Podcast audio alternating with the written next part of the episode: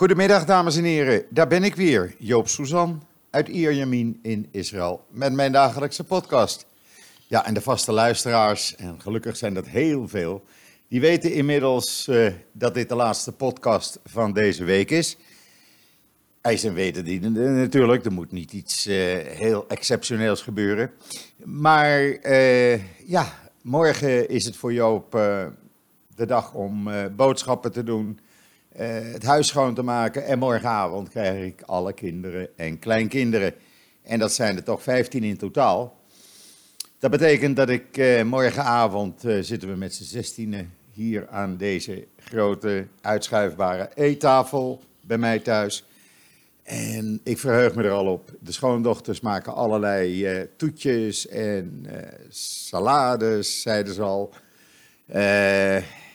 Ik maak dan uh, zoals gebruikelijk de uh, opgebakken aardappelen in de oven met allerlei uh, kruiden. En de gegrilde kip. Want dat hoort er natuurlijk bij op vrijdagavond. En dan, ja, ik kijk er naar uit. De kinderen maken er een bende van. Maakt me niet uit. Zaterdagmorgen heb ik alle tijd om in een paar uur tijd het huis weer aan kant te maken. Maar dat zijn altijd fantastische momenten op vrijdagavond. En uh, ja, daar kan een mens gewoon blij van worden dan. Uh, en het weer, zult u vragen. Is het nog steeds zo warm? Ja, ja. Het is nog steeds 31 graden overdag. Uh, S'nachts zo rond de 19 graden. maar het is prima en het wordt alleen maar warmer de komende dagen. Dus voorlopig kunt u nog steeds even snel naar Israël komen en even wat uh, zon uh, opdoen op het strand of gewoon tijdens het uh, lopen door de straten. Want het is echt, het is prima winterweer, zoals ze dan hier zeggen. Want ja, de winter is hier in Israël begonnen. En die duurt dan zo'n beetje tot, nou, maart is het wel afgelopen. En dan krijgen we ook minder regen. Als we nog regen krijgen natuurlijk nu, want ja, je weet het niet, hè. Eh, we hebben nog niet veel regen gehad, maar goed, voorlopig genieten we van het mooie weer. De ramen eh, staan open tegen elkaar. Het is lekker cool. Ja, morgenavond met alle kinderen hier, dan zal de airconditioning erbij aan moeten. Maar goed, dat maakt niet uit. Daar zijn die dingen voor. En dan, wat is er in het nieuws? Nou, er is heel wat in het nieuws. Want er is me toch een bonje aan de gang tussen de procureur-generaal en zijn baas, de minister van Justitie. Uh, ja, eigenlijk interim minister van Justitie, want het is een demissionair kabinet. En deze man is een paar maanden geleden uh, door Netanyahu uh, daar neergezet. Want het is een, ja, iemand die Netanyahu door, ja, steunt op een manier zoals Netanyahu dat graag ziet. En ja, wat is er nou aan de hand? nou, als u een beetje joods.nl heeft gevolgd, we hebben daar de artikelen er al op staan eh, de afgelopen dagen, was er dus op een gegeven ogenblik sprake eh, dat uh, de berichten naar buiten kwamen op televisie en in de nieuwsmedia. Dat, een, dat de staatsgetuige in de zaak 4000 tegen Netanyahu onder exceptionele druk van de politie zou zijn gezet om bekentenissen af te dwingen. Nou, daar is een bevel van de rechtbank op, een zogenaamde gag order. Dat betekent dat er geen details uh, meer van naar buiten mogen komen. Wat doet deze minister? Ondanks dat de procureur-generaal dinsdag heeft aangekondigd met een onderzoek te beginnen, is hij gisteren in de Knesset eens even uit de doeken gedaan, gaan doen wat er precies uh, voor dreigementen wel zijn gebeurd en hoe erg dat dan wel is voor zijn baas Netanyahu. En dat die getuigenissen dus maar van tafel moeten.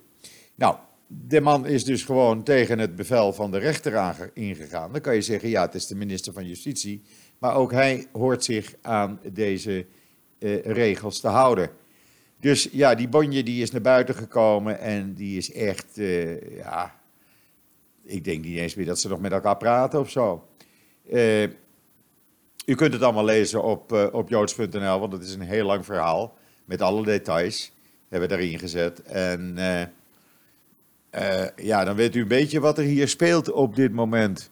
Want uh, er is namelijk nog meer aan de hand met uh, Netanyahu. want ja, er komt steeds meer naar buiten natuurlijk over uh, Netanyahu en de zaken waar hij bij betrokken is.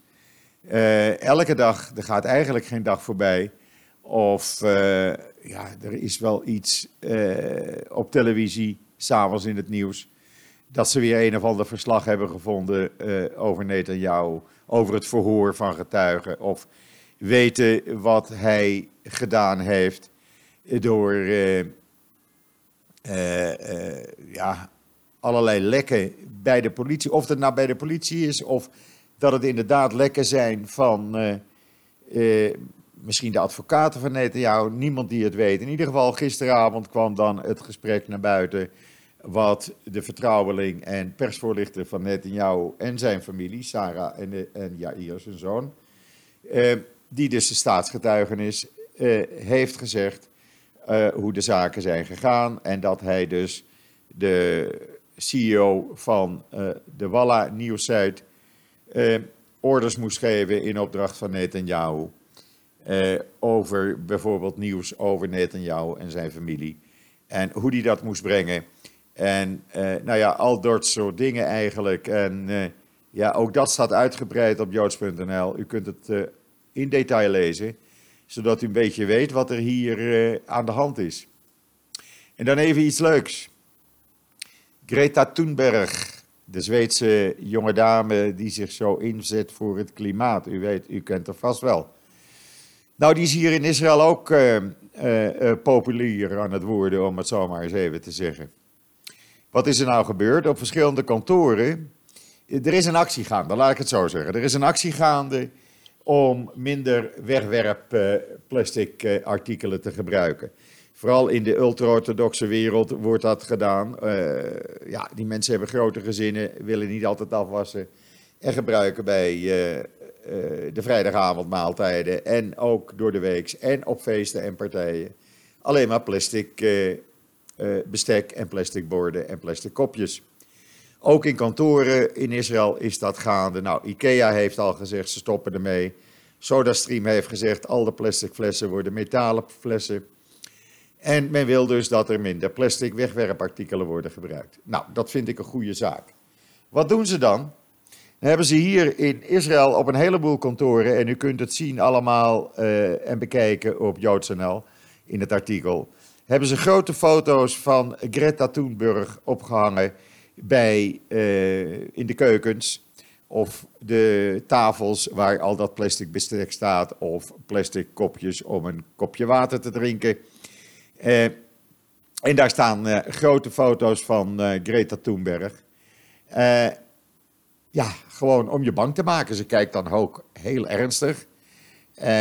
Nou ja, u moet het zelf maar even gaan bekijken. Ik vind het een beetje, ja, ik vind het leuk. Ik vind het lachwekkend ook hoe dat gedaan wordt. Misschien een idee voor uw eigen uh, bedrijf waar u werkt. En dan zeven Israëlische start-ups houden zich bezig met het bestrijden van prostaatkanker. Uh, het is, op staat op de tweede plaats als meest voorkomende vorm van kanker bij mannen. En er zijn zeven bedrijven in Israël, kunt het lezen op JoodsNL met de link naar die bedrijven toe, die zich dus uh, bezighouden met allerlei oplossingen te vinden om prostaatkanker te bestrijden en tegen te gaan ook. En dat is een, uh, een goede zaak. En daar zijn echt honderdduizenden mensen over de hele wereld dan weer bij gebaat, zeg ik dan maar. En dan, ja, het is uh, donderdag, dus zoals u gewend bent, een nieuw kosher recept. Nou, dit kosher recept, dat ken ik. Want ik heb het hier in Israël regelmatig gegeten. En ja, het is gewoon lekker. Het is een rode soep. Het is de koube soep. En het is een Joods-Iraakse traditie en een Joods-Iraakse tractatie. En helemaal niet zo moeilijk om te maken. In 70 minuten heb je het gemaakt. Het is sneller als kippensoep die drie uur moet opstaan. Eh, wat heb je ervoor nodig? Een pond gemalen rundvlees, eh, uitjes. Nou ja, het hele alle ingrediënten en de bereidingswijze, die staat op uh, joods.nl. En ja, ik zou u aanraden, maak het gewoon eens een keer en proef het eens een keer. Het is wat anders dan groentesoep, maar het is toch lekker. En trouwens, er zit paprika in en andere groenten. Eh, komijn zit erbij, eh, nou ja, van alles. Eh, zelfs griesmeel. Dus ja, gewoon lekker, eh, lekker gaan maken. Eh, lees het op joods.nl, zou ik zeggen. En dan, er is eh, een studie eh, bekend geworden hier in Israël. En daaruit blijkt dat 40.000 jaar geleden, ja, u hoort het goed, 40.000 jaar geleden, de uh, en dat zijn eigenlijk de, ja, vergelijkbaar met de Neandertalers, die kwamen naar uh, deze regio en in een grot in het noorden van Israël, de grot van Manot, heeft men uh, botten, maar ook, vooral ook tanden gevonden. Tanden zijn van glazuur en die blijven goed. Daar hebben ze onderzoek mee gedaan. En het komt erop neer dat dus nu het bewijs is geleverd via de Universiteit van Tel Aviv en de Ben Gurion Universiteit, dat uh, er dus uh, 40.000 jaar geleden mensen uit Europa naar dit gebied kwamen, daar gingen leven. die stonden bekend om het maken van gereedschappen uit botten sieraden, muziekinstrumenten en ze hebben ook grotschil grotschilderingen geproduceerd. Heel interessant. De foto's, u kunt het allemaal zien op joods.nl, zoals u gewend bent natuurlijk van ons. Uh, dan uh, een toespraak van uh, president Rivlin gisteren tijdens de christelijke media summit die in zijn residentie in Jeruzalem werd gehouden. We hebben de toespraak uh, integraal afgedrukt in het Nederlands. Het ging over uh, nepnieuws. Het ging over de waarheid die over Israël en over Jeruzalem, die helaas niet gesproken wordt. Hij had het over anti-Israël en anti-Zionisme en antisemitisme, ook met name in de pers. En dat dat wereldwijd zorgwekkend toeneemt. Uh, en hij sprak ook, daar keek hij al naar uit, en dat wordt natuurlijk wel een dingetje volgend jaar, in januari. Dan wordt de 75ste, 75ste verjaardag, of herdenking eigenlijk gevierd, van de bevrijding van Auschwitz, het concentratiekamp. En daar zullen tientallen wereldleiders bij aanwezig zijn. En zegt uh, uh, president Rivlin, samen zullen we onze gezamenlijke inzet voor de bestrijding van antisemitisme in alle vormen versterken. Nooit meer. Dat is onze plicht. En daar heeft hij volkomen gelijk aan. Een hele interessante toespraak. Ik vind trouwens toch dat president Rivlin, als hij wat zegt, dan zegt hij ook zinnige dingen. Uh, ik vind het een uitstekende president. Hij is erg geliefd ook in Israël. Hij is, uh, ja, het is een mens, laat ik het zo maar zeggen.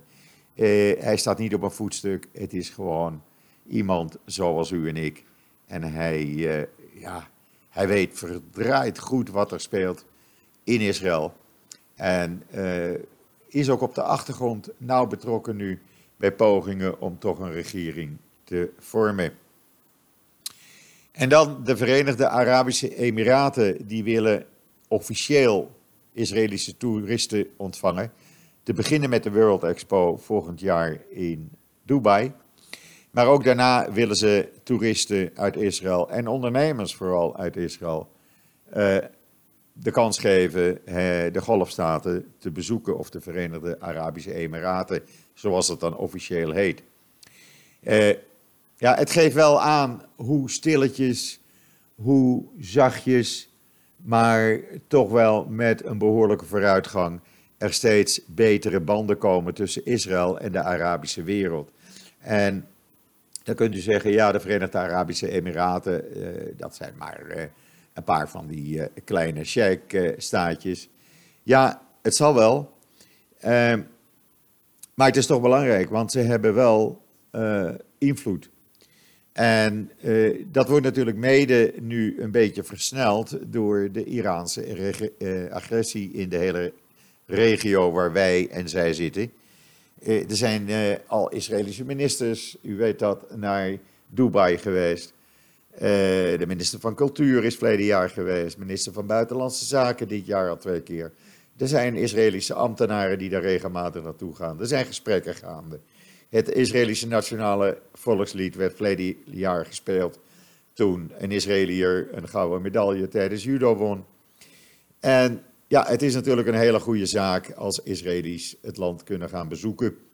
En waarom niet? Er zijn nu al honderden Israëli's in Dubai, eh, niet alleen op bezoek, maar ook om zaken te doen.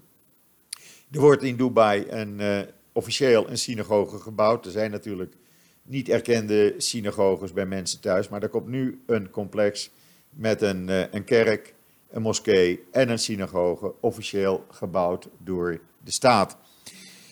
En dat zijn natuurlijk allerlei dingen die alleen maar tot verbetering van uh, uh, de verhoudingen tussen Israël en de Arabische wereld leiden. En waarom eigenlijk ook niet? Het is een goede zaak. We wonen met z'n allen hier in deze regio. Het zijn de buren. Nederland heeft ook goede verhoudingen met Duitsland en België en Engeland. Dus waarom zou dat dan niet kunnen? Eh, ik juich het alleen maar toe. En eh, mocht ik ooit een kans krijgen, nou, ik zou daar zeker naartoe gaan, want die Wereldexpo, we hebben er een linkje bij gedaan in het artikel. Dat wordt eh, wel spectaculair als ik het zo allemaal zie op de foto's en video's. En dan uh, Mobileye. U weet wel, het, bedrag, het bedrijf wat uh, niet zo lang geleden voor miljarden uh, is overgenomen door Intel. 15, ruim 15 miljard dollar in 2017 heeft Intel ervoor betaald. Nou, Mobileye heeft natuurlijk nog steeds zit in Israël. En die is nu een samenwerking aangegaan met het Chinese heel groot autobedrijf NIO, NIO.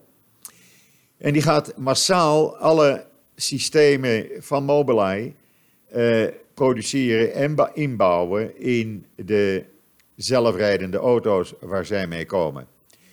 Uh, die komen in China op de markt, maar ook uh, elders in de wereld, Europa, Amerika. Het is echt een enorm groot autobedrijf. En op die manier gaat Mobileye die auto's weer gebruiken voor zelfrijdende taxis. Ja, u hoort het goed. Zelfrijdende taxis. Daar is Mobileye op dit moment mee aan het testen. Eh, betekent dat je een app hebt en je bestelt die taxi. Uh, u kunt het zien trouwens, er is een video bij het artikel. Je bestelt de taxi en uh, de taxi komt voorrijden en je hebt al in de app aangegeven waar je naartoe wil. En het zelfrijdende systeem uh, brengt je daar naartoe. Ja, dat is natuurlijk iets, uh, het lijkt wel uit een, uh, uit een film. Maar het wordt wel werkelijkheid. En uh, ja, zij willen toch in 2021 of zo al daarmee beginnen. Ze zijn nu aan het testen. En ze willen die dingen zo snel mogelijk ja, laten rijden in diverse landen. We zullen het gaan meemaken. Intel heeft in ieder geval gezegd dat hoewel ze in het begin, ja, eh, hadden ze eh, eh, ja, 15 miljard hebben betaald. Ja, is dat nou wel niet te veel geweest? En eh, ze hadden zo hun bedenkingen. Maar eh, nu zegt Intel, eh, eigenlijk is Mobileye voor ons nu het belangrijkste bedrijf binnen het concern. Ze hebben trouwens al uh, uh, de chips, eh, IQ-chips van Mobileye. daar hebben ze er al 50 miljoen van geleverd wereldwijd. En die zitten in 300, meer dan 300 automodellen ingebouwd sinds 2008. Dus ja, ik denk dat u dan ook wel een auto zal hebben waar dit in zit. En dat is weer iets uit Israël waar eigenlijk de hele wereld dan weer baat bij heeft, zullen we maar zeggen. En dan, uh, niet op joods.nl, maar wel op mijn uh, Twitterlijn, de nummer 2 van uh, de Engelse Labour-partij, dus de man direct achter meneer Corbyn, die is opgestapt. Die kan het niet meer uithouden binnen Labour, heeft hij gezegd. Te veel antisemitisme. En daar wil ik geen deel van uit zijn, van uitmaken. Inmiddels heeft de Jewish Chronicle, je kunt dat ook op mijn Twitterlijn lezen, die is een uh, campagne gestart to all our fellow British citizens. Uh, en in dat artikel schrijven ze, uh, ook over het antisemitisme binnen Labour, en ze raden, en dat gaat niet alleen een artikel voor de Joden, maar eigenlijk voor heel Engeland, stem niet op Labour. Dat is wat het artikel eigenlijk uitstraalt. En dat vind ik nogal wat. Dat vind ik echt wel een dingetje. En eh, het is ook iets om in de gaten te houden. Want meneer Corbijn, ja, die maakt een heleboel daar eh, eh, kapot door zijn antisemitisme en zijn steun aan allerlei terroristische organisaties, zoals Hezbollah en Hamas. En dan, de Shin Bet heeft zojuist bekendgemaakt dat ze in 2018 meer dan 450 terreuraanvallen zijn, uh, hebben voorkomen. En dat gebeurt natuurlijk op ouderwetse uh, manier, met informatie die ze krijgen, maar meer en meer wordt het gedaan met gespecialiseerde technologie samenwerking met alle Israëlische veiligheidsdiensten, maar ook met de Palestijnse veiligheidsdienst. Uh, uh, en uh, ja, hij, hij zegt: wij zorgen met al onze moderne apparatuur ervoor dat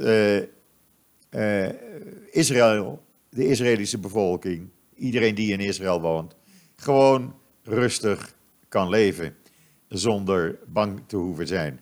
Nou, ik vind dit een, een fantastisch iets.